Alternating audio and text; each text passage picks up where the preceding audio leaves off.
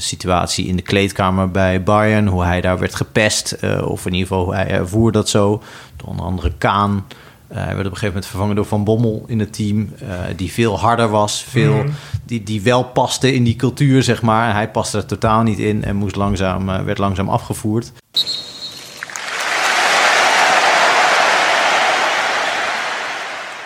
Op donderdagavond 26 maart werd in het programma Langs de Lijn en omstreken bekendgemaakt wie Staantribunes voetbalboek van het jaar heeft gewonnen. Na een spannende ontknoping bleek het Frank Heijnens buiten de lijnen te zijn geweest, die met de felbegeerde cup met grote oren naar huis mocht. Althans, de beker moest nog uitgereikt worden. En dat gebeurde deze week.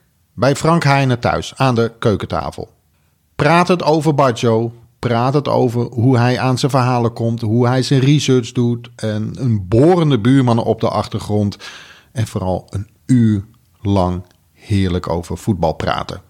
Maar we hadden ook nog een paar luistervragen en die willen we ook beantwoorden. Het eentje was van een volger van Staantribune op Twitter en die vroeg...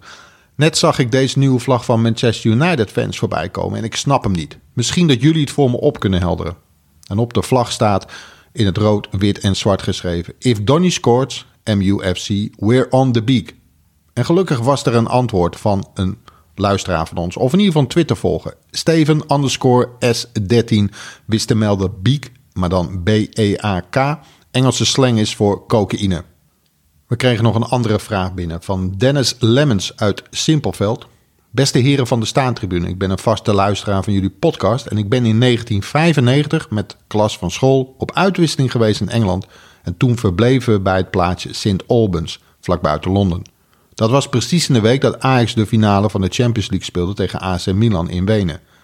De finale hebben we toen met de klas in de kantine van de plaatselijke voetbalclub St. Albans City FC gekeken.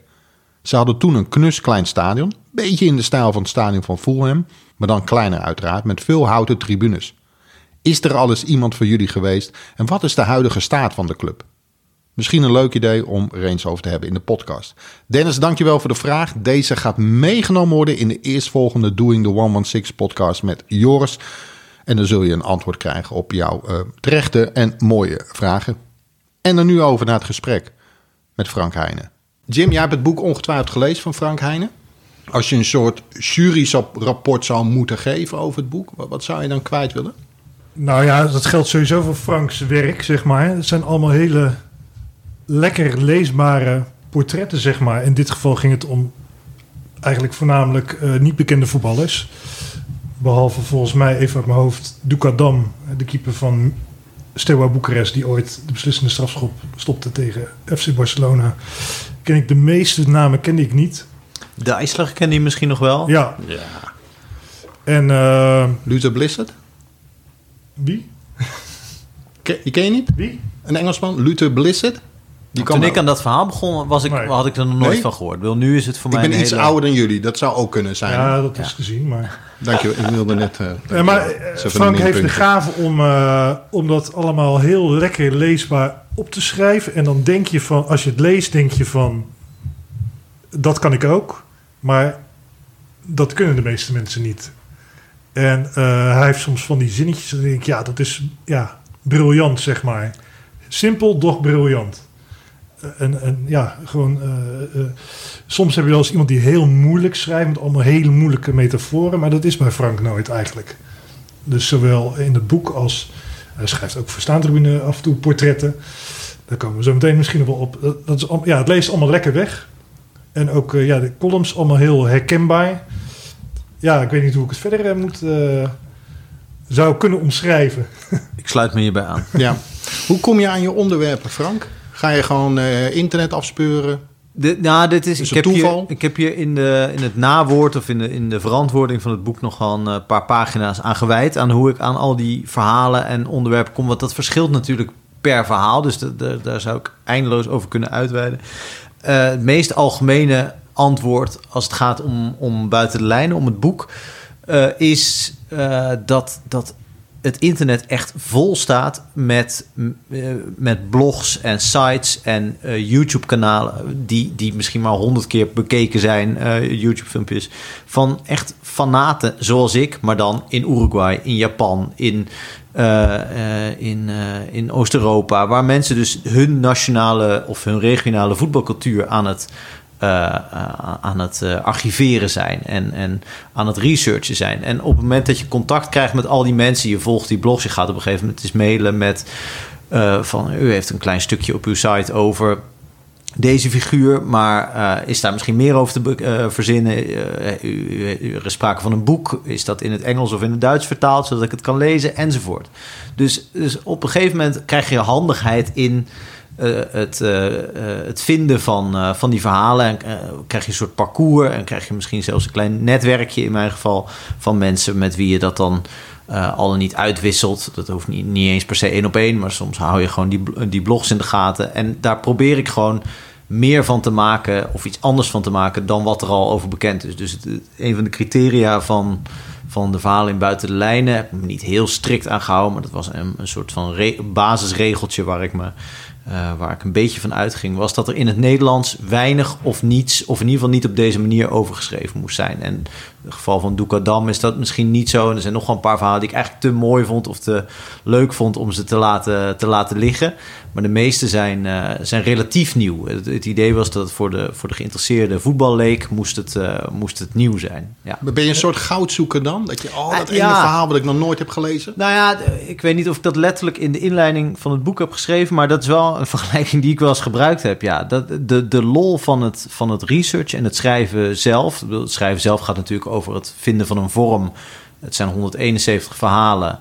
Uh, dat, je, dat zijn in principe allemaal portretten, allemaal levensverhalen. Uh, uh, nou, een leven begint altijd en eindigt altijd op dezelfde manier. De lol was om het steeds op een andere manier vorm te geven, zodat het niet lijkt voor een lezer alsof hij 170 keer hetzelfde aan het lezen is. Iets wat ik ook wel bijvoorbeeld doe in, mijn eindsignaal aan het eind van Studio Voetbal, dat ik al een paar jaar doe.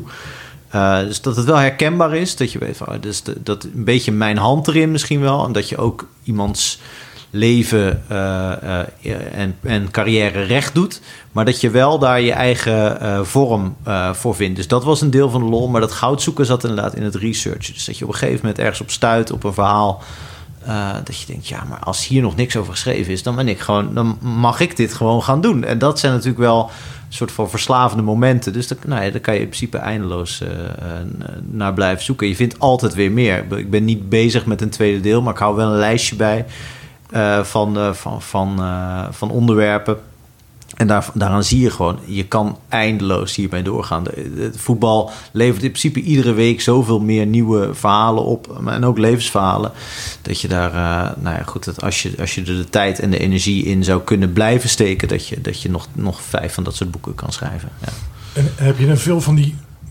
je zegt net van ik heb heel veel van die blogs gelezen. En ehm, dan stuit ik weer op een boek of zo. Heb je, heb je ook al die boeken, zeg maar, ook echt daadwerkelijk voor een deel gelezen? Of in bezit gekregen, zeg maar? Nou ja, ik heb, dus soms schrijf ik in die verhalen, beschrijf ik ook wel, zeg maar, uh, een beetje de making-of van het verhaal. In het verhaal mm -hmm. is natuurlijk ook een, een, een, vorm om, om je verhaal uh, in te gieten.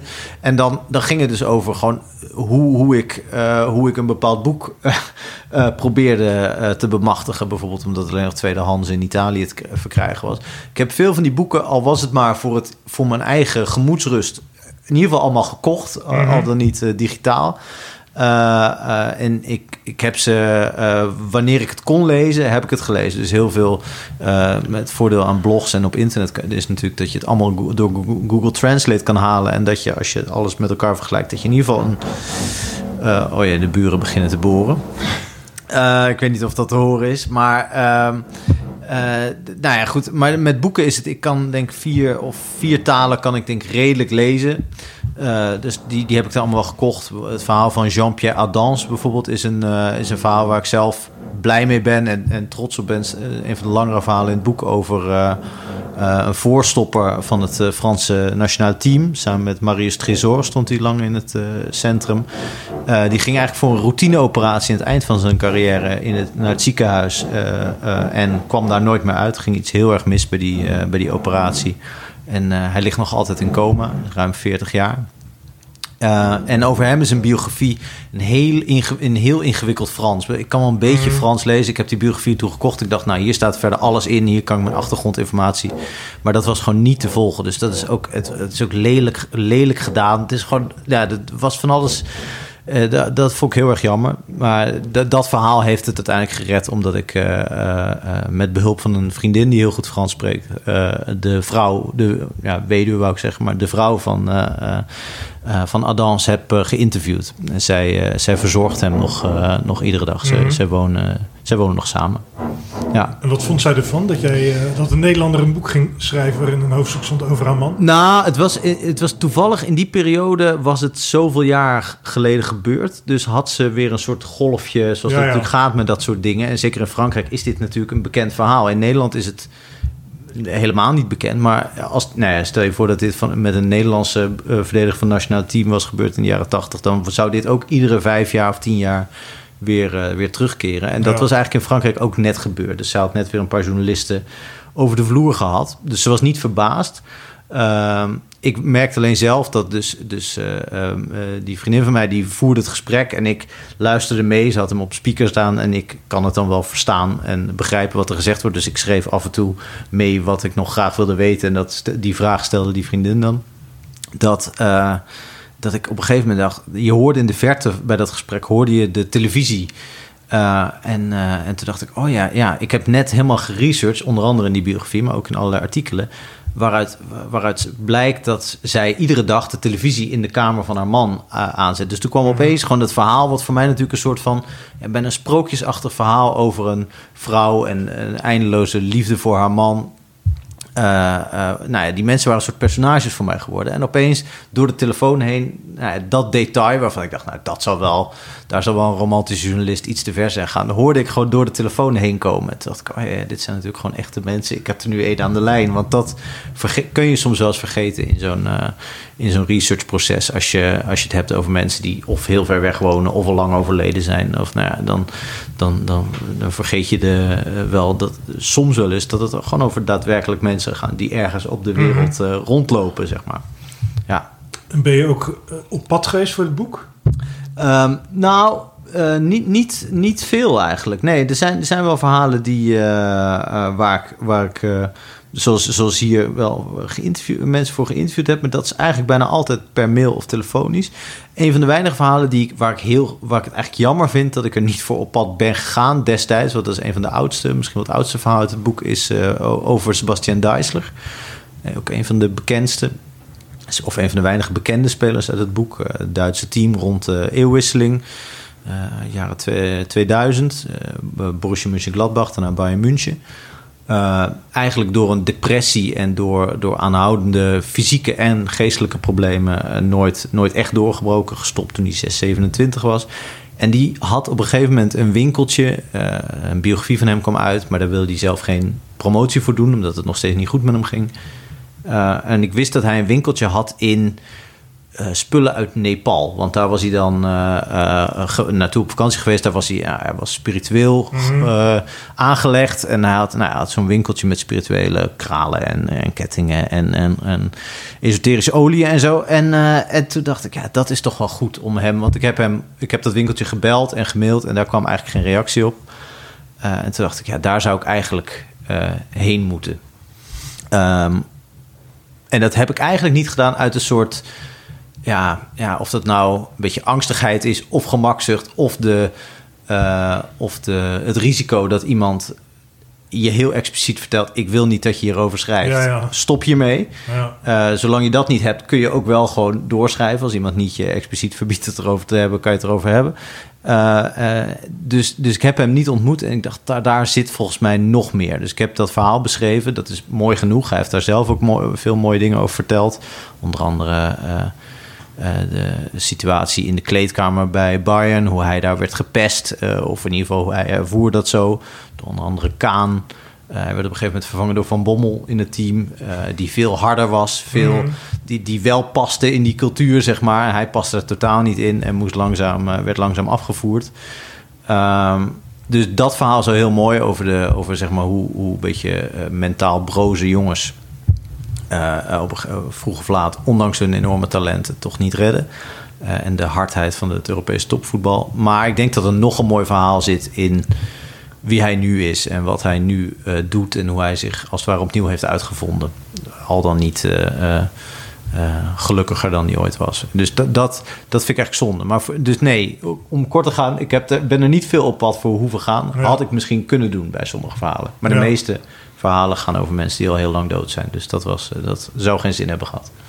En de meeste verhalen gaan niet, hè, zoals we vaak bij staantribune zeggen, niet over het spelletje zelf. Nee, nee, nee, nee. nee. Ja, het spel zelf is, ik, schrijf daar wel iets over. Ik schrijf ook actuele columns en ook uh, in, met die eindsignalen bij Studio Voetbal gaat het wel eens echt, beschrijf ik wel eens echt het spel zelf. Maar de, ik denk dat de echte meerwaarde van schrijven over voetbal uh, in staantribune in andere uh, voetbaltijdschriften, zoals staantribune en ook in buiten de lijnen, toch het hem zit in dat je uitzoomt en ziet waar, uh, waarom voetbal meer is dan alleen zeg maar esthetisch of spannend plezier op het veld. Dus dat je er even kan opgaan in 90 minuten. Het, het, is ook een soort loop op een samenleving. Het kan iets, het kan iets zeggen over, over hoe, een, hoe een land zich ontwikkelt. Het kan zich. Nou ja, er zijn allerlei culturele aspecten die heel interessant zijn. Voetbal heeft vaak een hele centrale plaats in een, in een land of in een, uh, in een maatschappij. En op die manier, en er zijn heel veel individuele levens van wonderlijke types. Trekt, mm. Topsport trekt over het algemeen veel uh, rare snijbonen aan. Dus, nou, dit, dus de, de, het is ook een soort meraboir van, van mooie levensverhalen. Dus die combinatie vind ik eigenlijk meer de moeite waard dan het spel. Want ik schrijf dat in de inleiding van het boek ook je kan wel eindeloos uh, uh, proberen een uh, dribbel van Messi te beschrijven. Maar het is altijd leuker om naar een dribbel van Messi te kijken dan erover te lezen, zeg maar. En ik denk dat, dat deze benadering, en dat is dus ook een beetje de staantribune benadering, meer een soort iets toevoegt aan het spel in plaats van het probeert te benaderen. Zeg maar. ja. En hoe lang heb je nou uiteindelijk over dit boek... Uh, ja, ik wijs zo naar die... Dat ziet de luisteraar niet, maar ik wijs ja, ja, zo naar die beker. Zo. Ik, hoe lang heb je over het boek gedaan? Uh, ja, nou ja, dat is, die vraag is me vaker gesteld. is niet een heel uh, eenduidig antwoord op te geven. In die zin dat er uh, dat, dat, dat verhaal van Dijsler, wat een van de eerste was. Ondertussen ja, de buren die zijn het hele huis aan het afbreken hiernaast. Dat verhaal van Dijssel is denk ik zes, zeven jaar oud. Uh, inmiddels is Buitenlijnen ook bijna een jaar oud. Dus uh, ik denk dat ik er zes jaar echt mee bezig ben geweest. Maar natuurlijk niet fulltime. Ik heb in die mm. tijd... Ik, heb, ik schrijf voor heel veel media. Ik heb in die tijd een roman geschreven. Dus ik ben... Nou ja, goed een van de activiteiten gedurende zes jaar was, uh, was het research en schrijven aan buiten de lijnen. En dan was het vaak s ochtends deed ik alle dingen die moesten. En smiddags ging ik dan uh, researchen en aantekeningen maken voor, voor een nieuw verhaal van buiten de lijn. Dat was meestal de verdeling. Ja. Maar wist je al toen je eraan begon van dit ga ik uitbrengen als een boek? Nee, niet meteen. Nee, die eerste verhalen waren los voor hard gras. En uh, één of twee verhalen uh, die kreeg ik niet rond voor een eindjaar, omdat er niet genoeg beeld van was. Dus zo begon het een beetje. Mhm. Ik dacht, het is toch wel mooi. Ik heb er een paar voor HP De Tijd, waar ik toen nog iedere dag een column uh, voor schreef voor de website, zes keer per week. nou, ik kon niet iedere dag iets actueels hebben. Dus had ik ook een soort stapeltje met dit soort verhalen liggen voor, voor eventuele noodgevallen. Dus zo begon het eigenlijk. Dus ik dacht van, ik heb, ik heb hier handigheid in. Het is ook nog, uh, ik begon hiermee voordat het eindCL begon. Dus het was eigenlijk nog een beetje... Nou ja, ik wist eigenlijk niet eh, dat dat een specialiteit was... of dat dat het kon zijn überhaupt. Laat staan dat het hier van mij zou worden.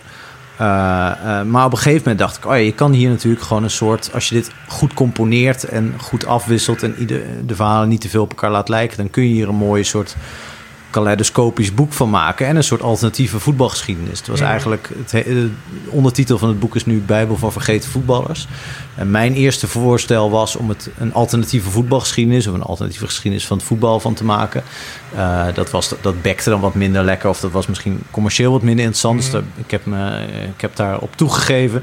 Uh, uh, de meeste stemmen golden en die gingen naar vergeten voetballers. Maar voor mij is het wel een alternatief geschiedenis van het voetbal. Het is dus een soort schaduwgeschiedenis. Je hebt, je hebt, alle, je hebt de bekende geschiedenisverhalen en je hebt de, uh, uh, de alternatieve geschiedenis. En zo kun je als het ware ook naar nou, zeg maar 150 jaar uh, voetbalgeschiedenis kijken. Ja, ja. Je, zei je gaf net zelf aan, je schrijft voor meerdere media, maar je schrijft ook echt heel veel. En volgens mij schrijf je ook heel snel, of zie ik het verkeerd? Ja, het, het, ene, het ene suggereert ook het andere natuurlijk. ja, nee, dat, het klopt. Ik schrijf denk ik heel snel. Ik weet natuurlijk niet hoe lang andere mensen over, over een stuk doen. Nou, we hebben wel eens voor, voor de column in staantribune... Volgens mij was het laatste keertje... we hebben die column nog niet gehad. En toen, volgens mij heeft Joris je gemaild. Ja. En ik denk dat het al of dezelfde dag of de dag daarna kwam. Ja, nee, dat zou kunnen. Dat zou kunnen. Hangt natuurlijk een beetje af van, uh, uh, van de drukte met andere activiteiten. Maar mhm. ja, ik, ik ben wel... Uh, het is gewoon inmiddels zo, wel zodanig mijn werk geworden... het schrijven van columns en stukken... dat ik niet ervan schrik als iemand zegt... het moet vanavond af of mhm. morgen af. Daar heb ik wel een soort, soort oefening in, in gehad. Ik schrijf ook voor de Volkskrant... Daar zijn vaak, het zijn vaak hele actuele columns, dus dat moet vaak zo dezelfde avond geschreven. Uh, dus nee, dat heb ik wel, heb ik wel een beetje geleerd. Om, ik, ik, ken wel mensen die, die, die niet per se voor een medium schrijven, maar wel schrijven. Uh, die zijn geneigd om heel lang aan iets te schaven en, mhm. en, en er onzeker over te zijn en uh, al dan niet terecht. en dat, nou ja, goed, dat, je moet dat een beetje afleren natuurlijk als je voor veel verschillende media wil schrijven. Ja. je, anders word je gek als je bij ieder stuk gaat denken: oh, ik kijk er, nog een, kijk er mhm. morgen nog even rustig naar. Of het is nog niet helemaal goed. Of wat ik wel doe, is bijna al mijn stukken laten lezen aan, uh, aan iemand. Het is echt vreselijk hiernaast. Hoor je het goed uh, op de podcast? Ja, dat geeft niet. Normaal gesproken zit in het café van Joop van Maurik. En dan hoor je ook wat achtergrondgeluiden. mensen binnenkomen. Ja, nou, ik, dit is voor het eerst, want ze zijn al twee weken aan het verbouwen. En nu is het voor het eerst pas dat het zo storend is eigenlijk. Ah, nou, ja, goed. Excuus daarvoor. Ik weet wel Hein Meurs heeft wel eens gezegd: hoe doet die jongen dat? Ja. Die doet van alles en die werkt zich over de kop. En, uh, straks is je opgebrand, is de creativiteit kwijt. Ja. En dit is al van een, denk drie jaar geleden ongeveer. Nou ja, kijk. Uh, nou ja, dat, dat risico uh, dat, daar ben ik me wel van bewust. Er zijn ook wel eens momenten dat, dat ik denk van... Oh, lukt het allemaal wel? Want ik, ik, schrijf veel en ik vind dat super leuk. Tot het moment natuurlijk dat je bijvoorbeeld iets tegenkomt... in je persoonlijk leven of ziek wordt oh, of wat dan ook. Dan opeens stapelt het zich heel snel op. Als ik twee of drie dagen niet werk... dan is er wel meteen een flinke achterstand. Dat is zo. Ehm, aan de andere kant heb ik, heb ik zelden iets... doe ik zelden werk tegen mijn zin... En op het moment dat iemand me vraagt: Goh, wil je dat doen? Dan is mijn eerste, als, uh, meestal als het iets, uh, als het een uh, leuke opdracht is, dan denk ik: ja, daar heb ik zin in. Ja. dan kan je zeggen: ja, god, dan, je, moet, je moet je krachten verdelen. Je moet niet alles inderdaad opgebruiken. Maar dat, dat is een, een risico. Dat is een kan. Ik heb er wel eens over met mensen. Of is het misschien wel te leuk? Dat je denkt. Nee, het is te, op dit moment te leuk. En, en daar moet je natuurlijk alsnog wel voor oppassen. Ik denk wel ook dat je er veel van leert. Dus, dus eh, niet alleen in tempo maken, maar ook in creatief zijn. Je, je wordt ook creatiever door het veel te doen, zeg maar. Omdat je mhm. gewoon, het wordt een bepaalde manier van leven, zeg maar. Uh, dus dat werkt twee kanten op. Ik heb het er wel eens met iemand Wilfried de Jong over gehad. Die zegt, ja, maar ik doe ook heel vaak niks. Want dan moet ik opladen en dan ga ik muziek luisteren en een beetje fietsen en, uh, en naar films naar de bioscoop. En dan, uh, dan wacht ik tot er iets uh, voorbij komt wat heel leuk is. Of ik verzin zelf iets wat heel leuk is. En dan ga ik niet op alles ja zeggen. Of op, en, en nou ja, goed, dat, is, dat probeert hij mij dan. Maar ja, goed, zoveel mensen, zoveel uh, strategieën om, uh, om, om, beter te worden en om, uh, om tot het leukste en het beste werk te komen. En dit is tot dit moment mijn manier. En dat kan, ik heb ook een leven waarin dat kan, zeg maar. Ik heb, ik heb geen kinderen. ik ben freelancer, dus ik ben nergens aan gebonden. Ik kan op ieder moment zeggen, ik stop ermee bij al mijn werk. Uh, dat geeft ook wel een soort vrijheid. Als ik nu bijvoorbeeld drie dagen op een kantoor zou zitten, zou ik al veel minder flexibel zijn. Ik ben gewoon zeven dagen per week in principe flexibel. En als er nou ja, tegenslag van welke aard dan ook komt, of, of ik vind het niet meer leuk of niet meer belangrijk, nou, dan kan, kan ik er gewoon mee stoppen. Maar dat punt is nog niet bereikt. Ja. Maar uh, hoe, uh, ik ben toch benieuwd, want ik schrijf natuurlijk zelf ook, maar ja. niet, niet zoveel, lang niet zoveel als jij.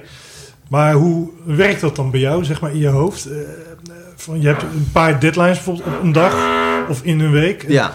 Ja, uh, gaan die radertjes gewoon uh, draaien? heb je het verhaal in je hoofd zitten? Wat soms kan gebeuren, hè, dat je echt een verhaal al helemaal in je hoofd hebt geschreven. En dan, dan gaat het heel lekker. Ja, dus ja. dat heb ik wel eens, dan gaat het heel snel. Ja, ja, ja. Hoe, hoe gaat dat bij jou? Nou, uh, nou, dat verschilt per, per opdracht. Bijvoorbeeld die staantribune columns, daarvan weet ik eigenlijk... dat gaat, gaat vaak over mijn eigen voetbalgeschiedenis... Uh, mijn eigen voetbalcarrière, die niet veel voorstelt... maar uh, de, de een beetje melancholische stukjes en dat. Mm in de meeste gevallen. Daarvan weet ik wel, dat is een bepaald beeld. En dan weet ik al het begin en het eind. Dus dan weet ik al waar, waar ik naartoe ga werken. Als en dan graaf je terug in je geheugen. Ja. Van, hoe was het ook alweer? Ja, en dan, en dan gaat dat redelijk vanzelf. Dan, dan gaat het gewoon van A tot Z in principe. Uh, ik, ik, weet ook wel, Hugo Borst vertelde een keer van... ja, soms loop ik een week lang rond over een verhaal na te denken... zonder iets op te schrijven. En dan schrijf ik het daarna in één keer op. Uh, zo werk ik eigenlijk niet. Dus bijvoorbeeld bij die, die buiten de lijnen, die mhm. verhalen... die werk, en die eindsignalen ook... dat gaat wel vaak volgens eenzelfde procedé. Namelijk dat ik eerst bij mijn research alles puntsgewijs onder elkaar zet. Dus alles wat ik kan vinden aan praktische informatie, aan rare uitspraken. Aan, en dat zet ik min of meer chronologisch onder elkaar. En dan ga ik daarna, kristalliseert zich eigenlijk vanzelf al een soort vorm uh, uh, uit eigenlijk. En dus, dus uh, ja, hoe dat dan werkt in mijn hoofd vind ik natuurlijk heel lastig. Mm. Omdat dat ook een soort, soort proces is wat, wat je niet helemaal na kan vertellen. Het enige is dat er gewoon wel een bepaalde concentratie bij komt kijken die, die, die je een beetje af moet dwingen. Tenminste, ik moet die afdwingen door gewoon iedere dag om negen uur klaar te zitten. En dan is het heel frustrerend als om kwart voor tien nog niks is. Maar ik weet gewoon dat er dan om elf uur wel iets is, op de een of andere manier. Ook al kan ik me dat om kwart voor tien nog niet voorstellen. Dus het is gewoon uh, de kwestie van blijven zitten tot het er staat. Dat is mhm. wel zo. Uh, uh, en, en de, het zelfvertrouwen houden ook van dat als je dat al duizend keer gedaan hebt eh, om tegen een deadline aan te werken, bijvoorbeeld, dat je ook weet van oké, shit, ik heb nog maar drie kwartier, maar over drie kwartier is er ook wat. Ja. En dan is dat uh, misschien geen negen, maar wel een zeven. Uh, en dan moet ik het dan vandaag maar mee doen. En dan hopelijk morgen weer een negen. En heb je dan ook gezegd, yes, het is weer gelukt? Ja, nou ja, dat is denk ik de reden dat ik zoveel verschillende dingen doe. Dat mm. natuurlijk ook de kick van iets afmaken en het opsturen en dat iemand zegt, goh, leuk of goh, dankjewel. Of uh, als je het uh, online zet, dat mensen uh, leuk op reageren. Dat is natuurlijk voor een deel de, de, de, de verslavende, het versla, verslavende werk. Want anders zou ik ook kunnen zeggen, ik, wil, ik vind schrijven heel leuk. Maar als ik niet zo kikte op ook regelmatig publiceren, dan had ik, zou ik ook gewoon alleen nog maar dikke boeken kunnen schrijven. En, en, dan één keer in de twee jaar met iets komen. Maar ik vind ook die, de lol van uh, er zijn, je naam, je naam in een blad zien mhm. staan, zeg maar, gewoon heel, heel sec. Dat speelt bij mij ook nog altijd wel uh, een rol. Dat vind ik gewoon leuk. Ja. Ben, ben, je dan nooit, dat lijkt me jouw grootste angst misschien wel. Ben je dan nooit bang voor een writersblok? Uh, nou, nou, vandaag komt er niks uit. Nee, dat is wat ik net zei. Dat, dat, dat heb ik eigenlijk gewoon meerdere keren per dag. Maar het lost zichzelf ook meteen weer op. En, en echt een writersblok van dat je een maanden of een jaar... of misschien wel nooit meer iets kan schrijven... daar kan ik me heel weinig bij voorstellen. Ik weet dat het, dat het bestaat en dat het iedereen kan overkomen. Dus ook mij. Dus dat is, maar ja, dat is net zoiets als, uh, uh, als uh, onder de bus lopen. Dat kan me ook overkomen. Daar kan ik ook niet de hele dag bang voor zijn. Het is wel een ongeluk waar ik, uh, wat, me, wat, waar ik, uh, wat ik afschuwelijk zou vinden, maar waar ik niet. Ja, ja, ik kan daar niet de hele dag met, met druk om maken. Want dat kan je gewoon overkomen, net als dat er allerlei vreselijke andere dingen kunnen overkomen, zeg maar. Ja. Wat heb jij met uh, Roberto Baccio? Daar heb je een verhaal over geschreven. Zeker. Voor de komende staantribune. Ja. Die, uh, dat moet er altijd in natuurlijk. De vrijdag van deze maand verschijnt. We hebben hem nog niet. Ja, ja nee, hij is, nog niet, hij is nog niet fysiek. Hè? Nee, ik ben heel benieuwd hoe die, hoe die eruit ziet. Ja, um, Ehm, met Roberto Baggio. Uh, nou, eh, Jim vroeg mij om dat, uh, of Joris denk ik. Nee, ja, Joris vroeg mij om dat verhaal te maken. Uh, en Roberto Baggio stamt, denk ik, uit, uit mijn vroegste, mijn, mijn, vroegste voetbalherinneringen. Dus hij, hij is een van, hoort bij een trosje spelers die, die uh, mijn, mijn vroegste voetbalherinneringen uitmaakt. Ik ben van 85, begon uh, nou, midden jaren 90, 3, 3, 4, 95 begon ik het voetbal intensief te volgen. Natuurlijk eerst de eredivisie. Maar je had in die periode ook bijvoorbeeld Studio Italia mm -hmm. uh, op zondagavond denk ik bij de NOS met Emiel Schelvis. Toen was Baggio denk ik op zijn grootst. eerst bij Juve, daarna bij, bij Milan. En vooral het nationale team. Uh, zijn tijd bij Fiorentina, die daarvoor zat, heb ik, heb ik niet bewust meegemaakt. Um, maar hij was de ster toen ik ook Italiaans voetbal ging kijken. Uh, Serie A was natuurlijk de, toen de competitie nog. Mm -hmm. Beetje in de naweeën van, uh, van Basten, Rijkaard, Gullit. en ja, ik, ik was echt... Ik was eigenlijk meer van, van George Weah nog, die toen naar Milan kwam. Maar toen ik me ook weer ging verdiepen voor dit verhaal in de staattribune... en ik wist dat al, en ik heb, toen gingen we naar Italië op vakantie... kocht ik ook een, kreeg ik een shirtje van Baggio en daarna al snel van Del Piero. Dat was natuurlijk de coming man en voor mhm. kinderen eigenlijk veel... Uh, toffer en veel aansprekender dan een beetje die rare figuur die Baggio was.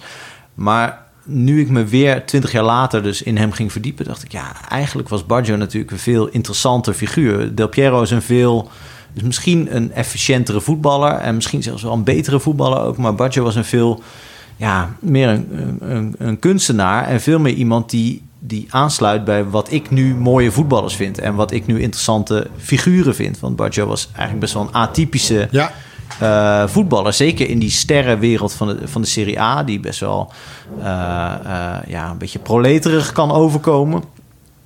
was hij echt een, nou ja, een beetje een soort mythische figuur die vaak zweeg, het boeddhisme aanhing en zo. Altijd een beetje op zichzelf. Eigenlijk altijd nooit helemaal op zijn plek leek hij. Zowel in het elftal, dat, dat is of de titel of de ankuiler van het stuk geworden. Zowel in het veld als buiten het veld niet helemaal op zijn plek. Dus je dacht altijd van hij is een beetje ja, een beetje een loner gewoon. En dat vind ik eigenlijk uh, heel fascinerend. Dat iemand die misschien wel de beste voetballer ooit was, in 94 bijvoorbeeld, toch nooit echt populair is geworden in Italië. Omdat er altijd... Niet zoals bijvoorbeeld nu met Pirlo aan de hand is. Dat, die wordt dan maar groter en groter. Nou, hij heeft wel iets van Pirlo, maar op de een of andere manier paste de, uh, zeg maar dat gedrag wat, wat Pirlo en, en Baggio tot op zekere hoogte wel... Uh, ja, er zitten wel overeenkomsten ook. Een beetje zo... Voor, uh, een beetje intellectuelen vinden dat dan heel leuk, weet je wel. Ze, ze kijken er moeilijk bij en ze, ze verbouw, verbouwt wijn. En. Pirlo is natuurlijk ook nog zo'n hele mooie man... en die dan heel, allerlei mode, mode dingen doet. dus dat vinden, vinden alle, allerlei soorten mensen vinden dat leuk. Maar op de een of andere manier past lijkt het lijkt dat, dat dat nu beter past in het moderne Italiaans voetbal, of misschien wel het moderne voetbal, dat soort types, dan in het voetbal van de jaren negentig. Heb ik wel eens het idee. Tenminste, toen ik, toen ik dat stuk over Bartje aan het schrijven was, dacht ik, oh, deze man is echt eenzaam geweest ja. met zijn, al zijn talent tussen al die andere figuren. Hij was eigenlijk de beste, maar werd niet helemaal serieus genomen. Ik vond best wel een typerend moment, dat, dat wist ik niet, want daar was ik eigenlijk net te jong voor. En toen het WK in Amerika. Uh, toen hij nou, echt de beste voetballer uh, ter wereld was. Romario werd uiteindelijk de grote ster, maar eigenlijk was Baggio de, de ja, die, die wist echt van een middelmatig team wist hij een top, topploeg te maken. Toen, ik weet niet in welke wedstrijd het was, ik denk tegen Zwitserland, dat, dat de keeper van de Italianen uh, werd uit het veld gestoet, Paljuka. Uh, die kreeg rood. En toen, dat was na 20 minuten of zo, toen moest Baggio naar de kant. en dat is ook zo typisch uh, voor uh, misschien het Italië van toen en ook voor de plek van Baggio van toen. Dus dat de, de echt absolute ster gewoon na 20 minuten uit het veld wordt gehaald in een WK-wedstrijd, omdat er een uh, keeper in het veld moet komen. En dat vond, nou ja, goed, dat is, daar, daar, kun je eigenlijk nu niet niks meer bij voorstellen, of nu niks meer bij voorstellen, maar dat is gewoon, nou, dat is, het zegt veel over dat je ook een beetje. dat je niet alleen een goede voetballer moet zijn, maar dat je ook een beetje. Je gaat vorig jaar niet bij Ajax wisselen omdat. Ehm, nou ja, we zien eens wat Onana rood krijgen. ja, maar dan moet, moet er even in. We hebben ruim 30 minuten. Ja, het is de dag dat Feyenoord... Nou, nou uh, over Ziyech, dat is natuurlijk... In het begin dat hij bij Ajax speelde... zou je hem nog wel enigszins met Van Basten in die zin kunnen... of Van Basten met Barjo kunnen vergelijken... dat oh, hij toen ook helemaal niet populair was uh, bij het publiek. Terwijl je ook toen al kon zien... hij is echt veruit de beste speler. En toch pruimde het publiek hem niet... pruimde de journalist hem niet omdat hij, weet ik veel, moeilijk keek of uh, wel eens een bal overschoot of zo. Dus was de beeldvorming heel anders dan wat er eigenlijk daadwerkelijk op het veld gebeurde. En dat is, denk ik, bij Baggio ook een hele tijd geweest. Ik, ik had er echt helemaal niks mee. Um, ik was um, ehm, 24 toen, 25 toen Ajax de Champions League finale van Juventus verloor. Ja. En even los van die. Toen was Baggio al weg, hè? Ja, toen was hij al weg. Ja. Um, maar daarvoor had je... Ik was wel fan van Vialli. Ik weet niet, dit soort gevoel. Daar was ik helemaal gek van. En um, Raffanelli had ik echt een bloedhekel aan. Nee, waar ze al eerder wel over mm. gehad. Echt gewoon bijna haat naar die kerel. Um, ja, ook een aparte uitstraling had hij. Niet alleen dat haar, maar ook het was ook Prima, gewoon, had een soort uh... binnenticketjes en dan weglopen alsof je de WK finale daar ging, daar ging ik heel slecht op.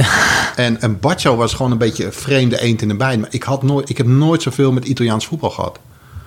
Ook niet met, met uh, die drie van Milaan, moet ik zeggen, toen de hmm. tijd. Terwijl, laten we eerlijk zijn, Baggio is natuurlijk een fenomenale speler. Ja, en, ja, en, het, figuur. en het fantastische aan Baggio is eigenlijk dat in de, in de periode daarna, dus dat hij eigenlijk over de heel was. En eh, we hebben alle Italiaanse topploegen wel geweest en mislukt. Dus bij, bij Juve heeft hij wel echt grote successen Ja. gehaald. Maar is daar ook een beetje ja, eh, schandelijk vervangen door, door Del Piero en een beetje naar de uitgang gebonjourd. Daarna bij Milan is het nooit echt wat geweest. Eh, bij Inter is het zelfs helemaal niks geweest. En toen kwam hij daarna, maar, bij, eerst bij Bologna en daarna bij Brescia. Dus bij kleine clubjes. En daar heeft hij echt misschien wel zijn beste voetbal geweest, eh, gespeeld. Is hij ook weer teruggekomen in het nationale team.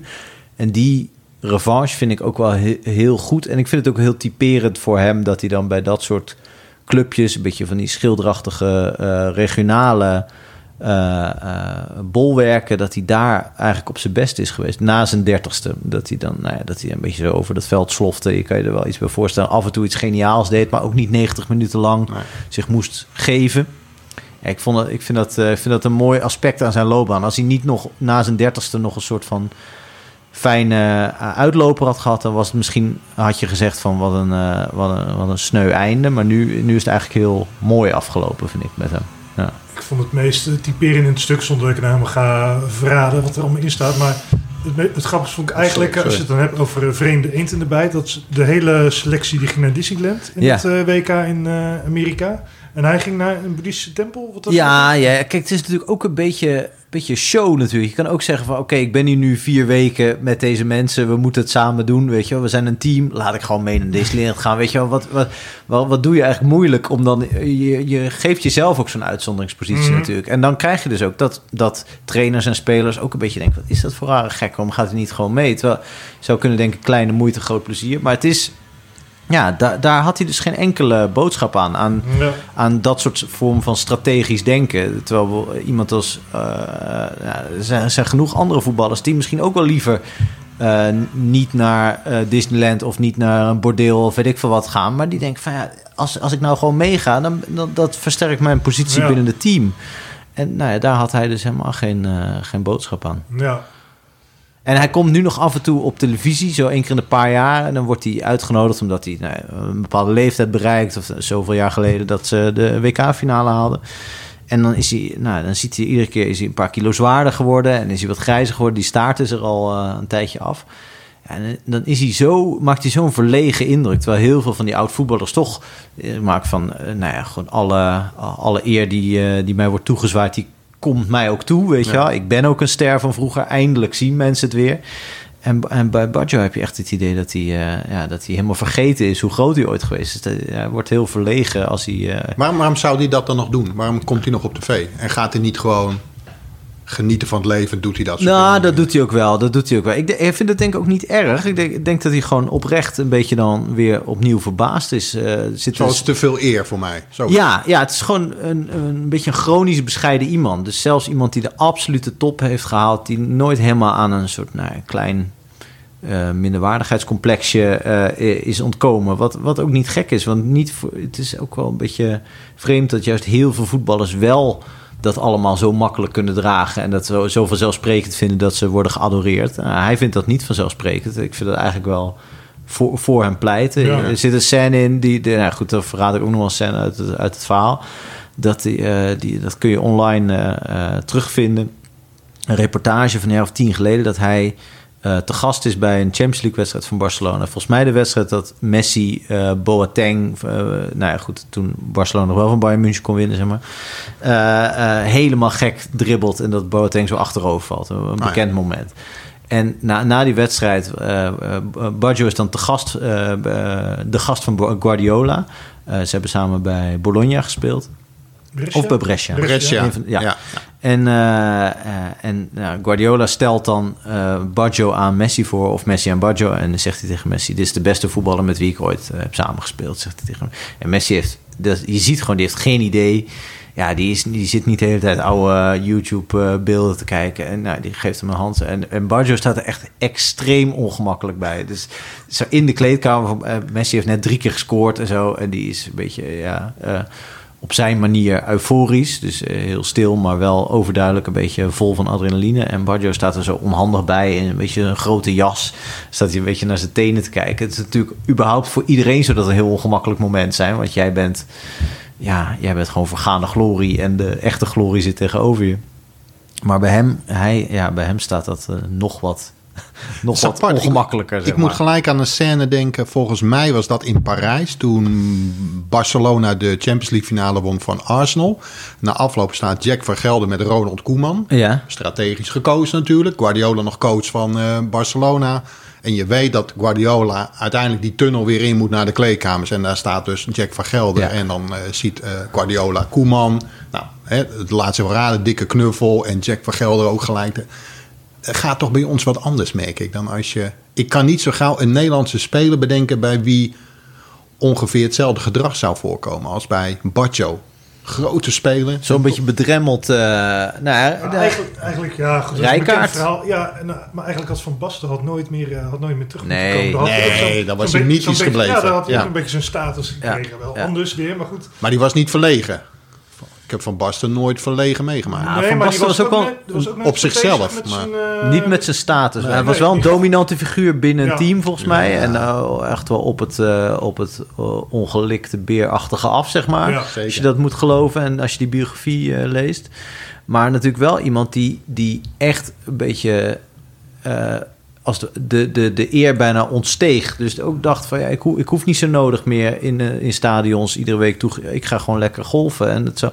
Alleen blijkbaar, hij heeft toch een moment gekregen dat hij, dat hij zich ging vervelen. En dat hij ja, die, een deel van die erfenis en van dat beeld natuurlijk zelf als het ware kapot heeft gegooid door, door een matige trainer of een redelijke trainer. Ja. Want echt, echt slecht was hij niet eens te worden. Maar hij was zo'n briljante voetballer dat dat toch ik was toevallig eh, bezig met een, uh, met een stuk over, uh, over Messi maandag. Over dat, dat, hij, dat Messi ook nu bezig is zijn, zijn enorme erfenis als misschien wel de beste voetballer ooit. In ieder geval de beste voetballer van de 21ste eeuw. Aan gort te, te praten door van die rare interviews te geven en ruzie te maken met de voorzitter. Gewoon met los van wie er schuld heeft of wie er, nou, enzovoort. Maar gewoon, ik wil hem gewoon zien voetballen. En verder wil ik allemaal niks van weten. En toen ging ik een beetje opsommen in mijn hoofd van welke andere grote voetballers niet allemaal vroeg of laat het niet konden laten om hun eigen uh, nagedachtenis uh, bij leven nog uh, kapot te maken, zeg maar. Dus Pelé is een soort, een soort rare marketingfiguur, of weet het, sandwichman geworden voor allerlei producten. Kruif wilde heet het maar overal de baas zijn en kreeg overal ruzie, zodat niemand op een gegeven moment meer had over hoe goed hij wel niet was. Uh, van Basten, ook een beetje zo'n onzekere man van middelbare leeftijd geworden in plaats van de ja. soort van elegante topper toen, toen hij twintig was. En, en dat is bij Messi ook wat gebeuren. En nou ja, Baggio is best wel ver gekomen door, uh, zijn, het beeld als voetballer in stand te laten. Om daarna gewoon te verdwijnen en een beetje, ja, ja waarschijnlijk een beetje saai leven te leiden. Uh, hij, hij, doet iets voor de VN. Dus hij doet ook wel, wel goede dingen ermee. Maar gewoon buiten de publiciteit. Waardoor mensen gewoon, waardoor de, eigenlijk zijn de herinnering aan hem mooier wordt dan, dan minder mooi. Wat, wat bij veel andere oud-voetballers gebeurt. Ja. Welke voetballer moet nog beschreven worden? Ja. Ik kijk even naar jullie alle twee. Schiet er een naam nou, te binnen? Maar jij hebt ongetwijfeld... Welke voetballer zou je nog een keer willen portretteren? Nou ja, het is natuurlijk vaak uh, uh, werken we bij staantribune met ook dat het, dat het in een bepaalde in een bepaald thema uh, nummer moet passen. Dus, dus, dus, dus, dus er zijn, kijk, kijk de me. Ik ja, ze zijn nu echt hard aan het boren. hij hoort ons, denk ik. Ja, hij hoort ons. gaat steeds harder boren. Het is echt, ze zijn dus hier al, al twee weken bezig. Maar twee weken heb ik de hele tijd hier... Oh, dat valt best wel mee. Als dit verbouwen bij de buren is, dan, dan, dan komen we er wel doorheen. Maar nu, uh, nu hebben ze even de dingen aangezet. Nu het echt, niet, uh, nu het echt heel onwenselijk is. Maar goed. Nou ja. Ik hoop toch dat hij zo stopt. Meestal. Hij gaat nu over op stofzuigen. ja, als het goed is, hij zijn misschien nog één of twee kleine dingetjes. Dus, uh, ja, joh, prima. Nou ja, maar. Even voor jullie. Welke speler moet nog beschreven worden? Of welk verhaal missen we? Ach ja, mijn lijst is nog zo lang van... Uh, Noem er eens een paar, Retje. Ja, kijk, je hebt gewoon heel veel van mijn... Kijk, de doel van staantribune is ook eigenlijk... De hardcore doelgroep is, ook mijn leeftijd. Dus die hebben, zijn allemaal het voetbal gaan volgen vanaf halverwege de jaren tachtig. Mhm. En dan, je hebt heel veel figuren tussen halverwege jaren 80 en begin 2000 die, ja, die, gaan, die gaan leuk zijn. Ja, we, we hebben wel eens Roger Mila gehad, we hebben net Scouravi gehad, Wea, je, je, hebt er al een paar genoemd. Ja, ja. Ook uh, Vialli is een leuke. Uh, van de week zei iemand nog tegen me, Beppe Signori. Oh ja, dat is ook een ja? leuke Signori. Ja? je, hebt, je hebt er zoveel uit... Italië vond, was, vond ik wel fascinerend altijd vroeger mede ook vanwege die drie van Milaan en vanwege Maradona. En die beelden op tv van die volle stadions. Die, de WK 90 was natuurlijk, toen was ik 14. Ja. Met al die stadions, met, met, met, met, met Panini-boek. Ja, ja. Dus het WK 86 en WK 90, dat, uh, dat, uh, dat, dat zijn echt mijn WK's. 94 werd alweer, toen werd ik alweer wat ouder, zeg maar. Dat was ik nog helemaal gefascineerd door voetbal. En ik denk dat ik van de meeste selecties, als ik als, van, van 86 of zo, kan ik zo die Belgische selectie, kan ik ze zo allemaal opnoemen. Als ik die foto's zie, kan ik ze zo herkennen. Terwijl als, als ik nu een paar Belgische spelers hier op straat uh, tegenkom, dan zou ik ze niet herkennen. Ja, bijvoorbeeld uh, Preben Elkja Larsen vind ik ook, is ook zo'n kleurrijke figuur. Gewoon dat hele, dat hele Deense elftal, Mulby. maar het is van vroeger. Het is echt wel... Ja, we hebben het 86 zo'n ja, beetje. Ja, nou ja, goed. dat is ook een beetje de... Ja de doelgroep van, van staantribune. Ja, ja, gewoon, uh, we hebben nu uh, volgende week komt dan het uh, Duits-Nederlands voetbalwoordenboek. En dan zit je weer helemaal in die Duitsers, weet je wel. In Fuller en Olaf Toon en Klaus Augenthaler. En, ja. Weet je, dat, dat, ja, dat vind ik allemaal vind, die vind ik leuker dan Lewandowski of zo. Ja, en als ik dan Daar zeg maar. Minder, minder mee. Als ik dan zeg maar mijn. wat ik ben dan, nou ja, mijn, mijn WK's zijn 94 en 98 eigenlijk.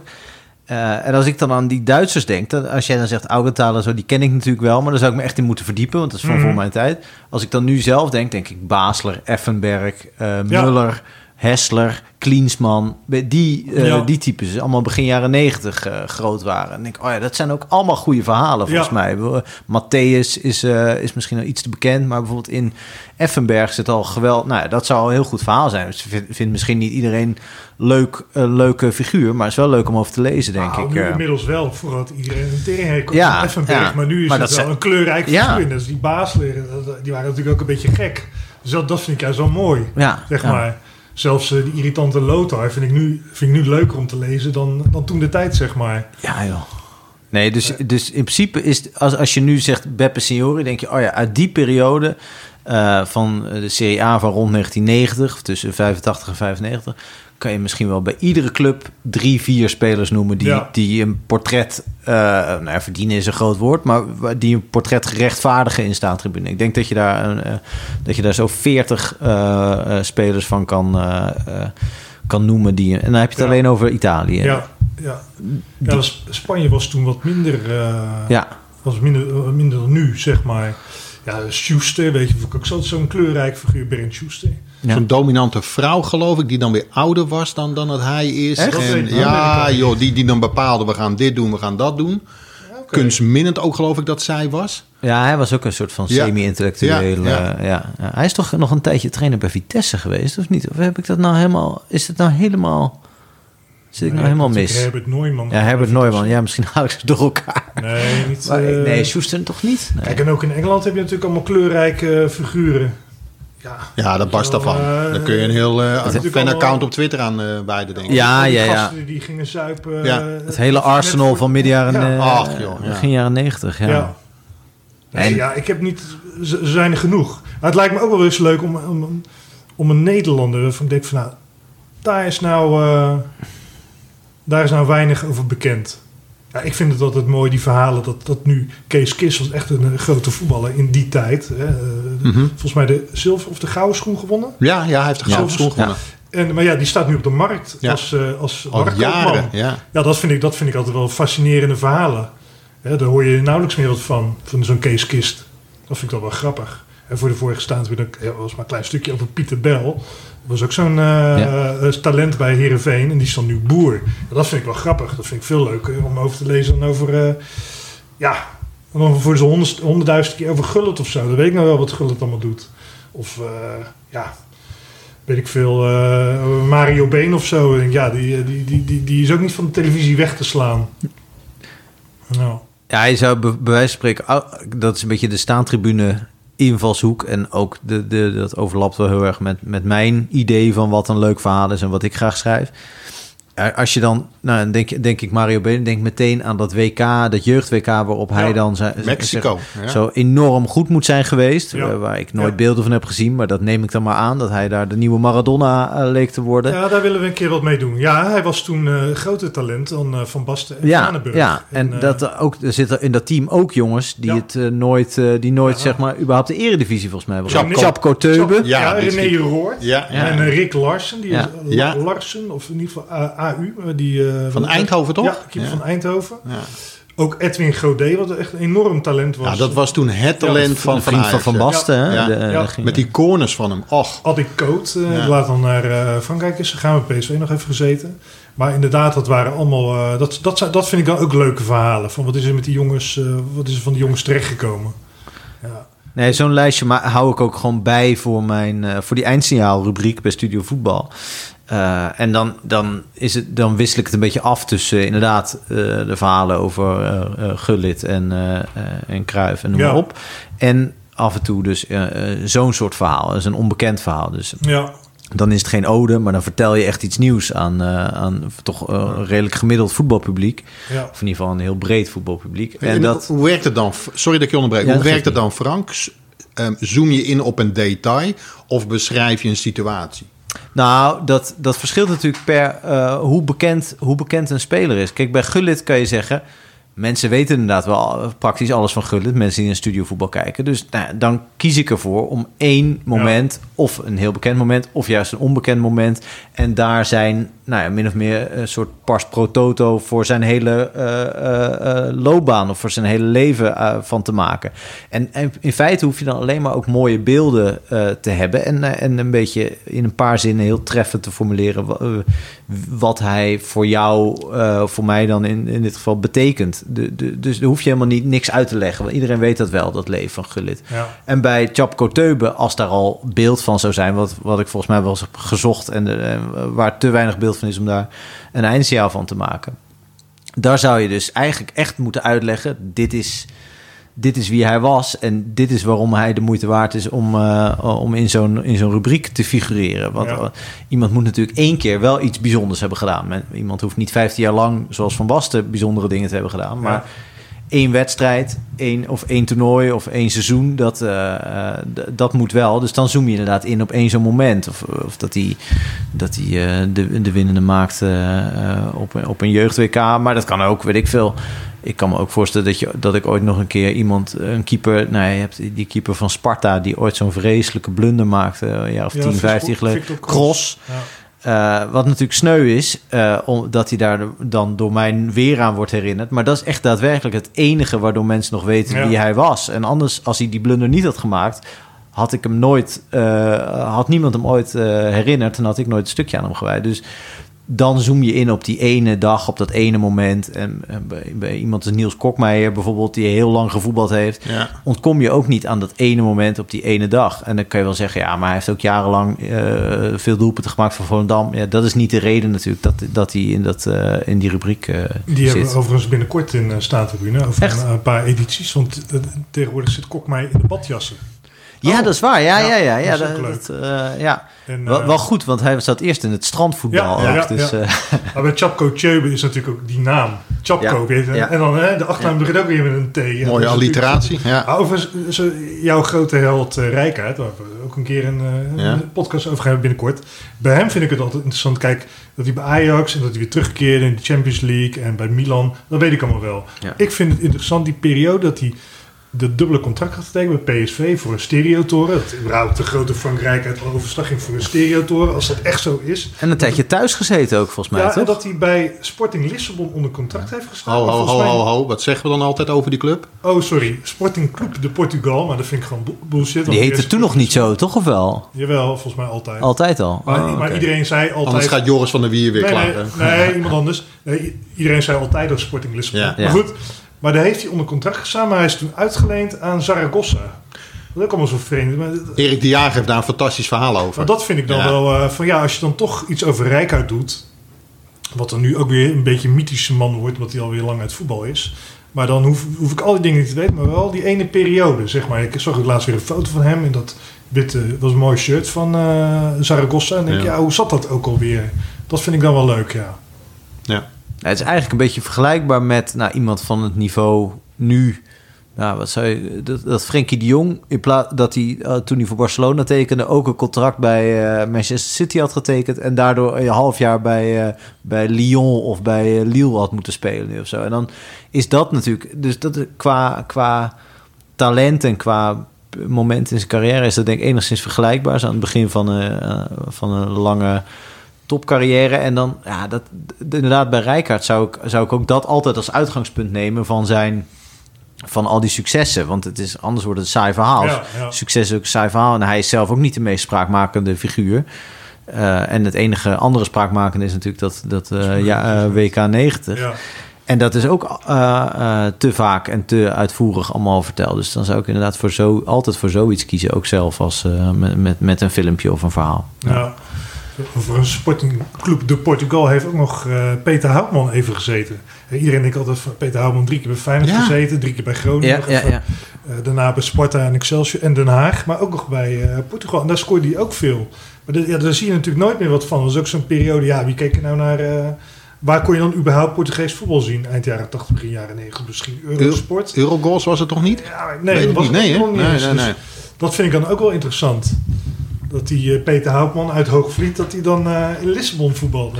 Nou, dat is natuurlijk niet. Wat, wat, hij was natuurlijk gewoon een spits van Nederland zelf al. Ja, ja, ja. Dus op zich is het niet, was niet zomaar iemand die. Nee, nee, nee, maar ik denk dat hij toen al niet meer voor het Nederlands elftal speelde. Want zijn laatste interland was die uh, fameuze wedstrijd, de beruchte wedstrijd tegen België. Ja, oh, ja, ja. ik denk dat pas dat hij daarna in Portugal heeft gezeten.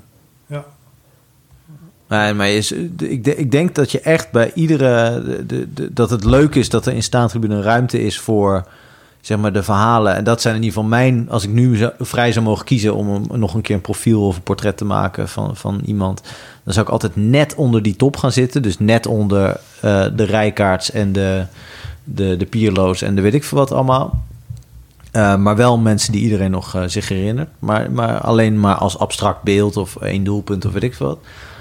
Uh, uh, maar als je zo'n topper uh, een, een, keer wil doen, wil, wil beschrijven of daar iets van wil maken, dan is het volgens mij altijd de, de truc, of in ieder geval mijn truc, om in te zoomen op iets wat iedereen wel kent, maar wat staat voor iets, voor iets groters. Omdat, nou ja, goed, dat, dat, dat werkt volgens mij beter dan dat je weer inderdaad gaat vertellen.